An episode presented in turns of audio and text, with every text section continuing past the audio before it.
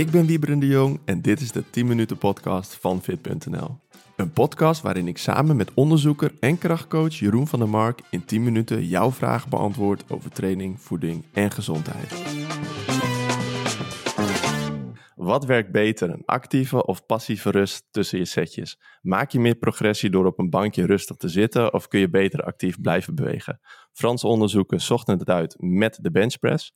Dit onderzoek gaan we zo meteen bespreken. Ben ik benieuwd. Wat doe jij tussen je setjes? Rust je actief of passief? Ja, Goeie. Nou, ik weet dat jij uh, aangaf voor dit gesprek dat jij regelmatig gewoon lekker aan het actief aan het kletsen bent met vrienden. Uh, dat, doe, dat doe ik soms ook. Dus dat is ook een mooie methode. Even je gedachten ergens anders of gewoon mhm. lekker sociaal doen. Uh, maar ik varieer een beetje. Ik doe soms rekoefeningen. Soms heb ik bijvoorbeeld mijn benchpress en dan best wel een lange rustperiode. En dan werk ik bijvoorbeeld aan mijn oh, ja. side splits. Um, ik vind het soms eigenlijk ook wel leuk om gewoon mensen wat tips te geven. Als ik zie van hey, iemand staat er voor open en die ken ik al langer. En dan een beetje eh, te coachen en te helpen. Uh, ja, of gewoon wat kletsen. En als ik gewoon in mijn eentje ben en er zijn weinig mensen in de gym. Dan luister ik ook wel een podcast uh, tussen de mhm. setjes door. En als ik dan een setje ga doen, dan zet ik hem meestal uit. Want anders ben ik niet helemaal gefocust. Dus ik heb een beetje een actieve passieve, maar ik heb niet een volledig actieve. Dat ik bijvoorbeeld uh, ga springen of mhm. door blijf trainen, want daar gaan we het zo over hebben.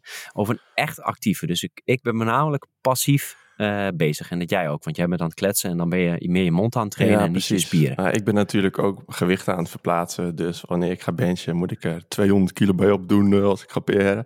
Nee, dan moet ik natuurlijk ook wat, ja, ja, moet ik wel wat gewichten zo nu en dan op en af doen. Is dat dan passieve rust of actieve rust? Kun je dat nog wat uh, meer verduidelijken, wat het verschil is tussen deze twee?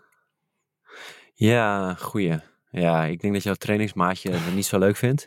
Maar uh, uh, wat, uh, wat, wat actieve rust in dit onderzoek is, is dat je dezelfde spiergroep aan het trainen bent. Dus je gaat dan een benchpress doen en dan ga je met een heel licht gewicht ga je in beweging blijven om die spier actief te houden. Dus dat is in dit onderzoek zien ze als een actieve rust. Maar ik zou eigenlijk bijvoorbeeld ook een actieve rust zien als je bijvoorbeeld uh, tussen de setjes een stukje gaat hardlopen. Uh, maar om het makkelijk te maken noemen we nu actieve rust als je dezelfde spiergroep blijft activeren in je rustperiode. En ik zie bijna niemand dat doen. De meeste mensen hebben wel een andere vorm dat ze even iets anders gaan doen en dat noemen ze dan actief. Maar eigenlijk is het mhm. ook passief, want dat is een andere spiergroep en zal dan niet zo heel erg je training in de weg zitten. En dat zien we ook met antagonistische supersets. Je gaat bijvoorbeeld squatten en daarna benchpress dan zie je dat je misschien 1 of 2 procent kracht verliest, omdat je net daarvoor een andere oefening hebt gedaan. Maar omdat het een andere spiergroep is, maakt dat niet zo heel veel uit. Maar dit wouden dus die onderzoekers onderzoeken, dus niet die antagonistische supersets. Maar wat nou als je bij de benchpress mm gewoon daarna gelijk met een heel licht gewicht op een mhm. machine een oefening gaat doen?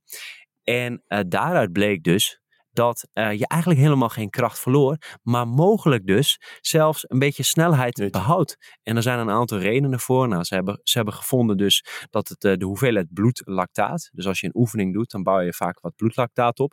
En ze zagen dus in, in dit onderzoek dus dat de hoeveelheid bloed, bloedlactaat bij de groep die dus met 10% of 5 tot 10% eh, een beweging blijft doen met een heel licht gewicht, dus met dezelfde spiergroep, dus minder bloedlactaat um, rapporteerde. En daarnaast zagen ze dus als je dus weer een set ging doen, daarna, na die actieve rustperiode, dat je dus sneller het gewicht kon blijven drukken. En dat was niet een gigantisch groot verschil. Maar het gaat wel een beetje tegen mijn verwachtingen in. Ik had dus wel het idee dat als je een beetje actief blijft met die spiergroep, dat je dan niet volledig herstelt. Uh, maar mogelijk is het dus zo dat het bloedlactaat uh, beter herstelt. Dat je misschien een beetje gefocust blijft. En misschien zou zelfs de hoeveelheid creatine fosfaat, omdat je in beweging blijft, sneller weer terug kunnen bouwen, waardoor je dus meer power hebt. Maar goed, dit is dus een van de eerste onderzoeken, die eigenlijk is dit het eerste onderzoek die dit onderzoekt. Dus uh, laten we nog niet zeggen van dat een actieve set beter is, maar het is wel leuk om te verkennen dat dit mogelijk dus een methode is om, om ook uh, ja, sterk te worden. Oké, dat is uh, wel een verrassend uh, resultaat. Want wat jij al zegt, uh, in de sportschool zie ik bijna iedereen passief rusten. Betekent mm dat dan dat we in de sportschool allemaal twee verschillende apparaten bezet moeten houden, omdat we ja. een volgende set moeten gaan doen om actief te gaan rusten?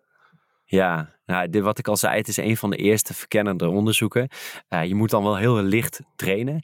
Uh, we weten niet zo goed wat dit doet bij hele gevorderde krachtsporters. Stel je voor dat je een powerlifter bent, dan kan het best zijn dat je dat toch niet je hele creatine fosfaat hersteld is en dat je niet de kwaliteit kunt leveren. Uh, dus ik zou zeggen, ja, je zou het eens een keer kunnen proberen, maar je moet het ook niet overdrijven. Stel je voor, jij, gaat, je, nou, jij bent goed in de benchpress, dus neem in dit geval even een keer jouw voorbeeld, niet de squat, maar de benchpress. Mm. Dus je gaat benchpress doen en daarna ga je push-ups doen. Nou, ik weet zeker um, dat dat die push-ups zijn best wel zwaar, waardoor je benchpress uiteindelijk gewoon wel minder wordt. Je wordt minder sterk, je kan het volgende setje niet met hetzelfde gewicht. Dus je moet wel dan echt heel licht trainen. Dus op zo'n chestpress machine en op het allerlichtste gewicht gewoon een beetje in beweging blijven. Nou, dat zou je eens een keer kunnen proberen. Maar als ik echt kijk naar de, naar de topatleten, dan noem ik olympisch gewichtheffers, powerlifters, uh, echt mensen die heel fanatiek aan krachttraining doen.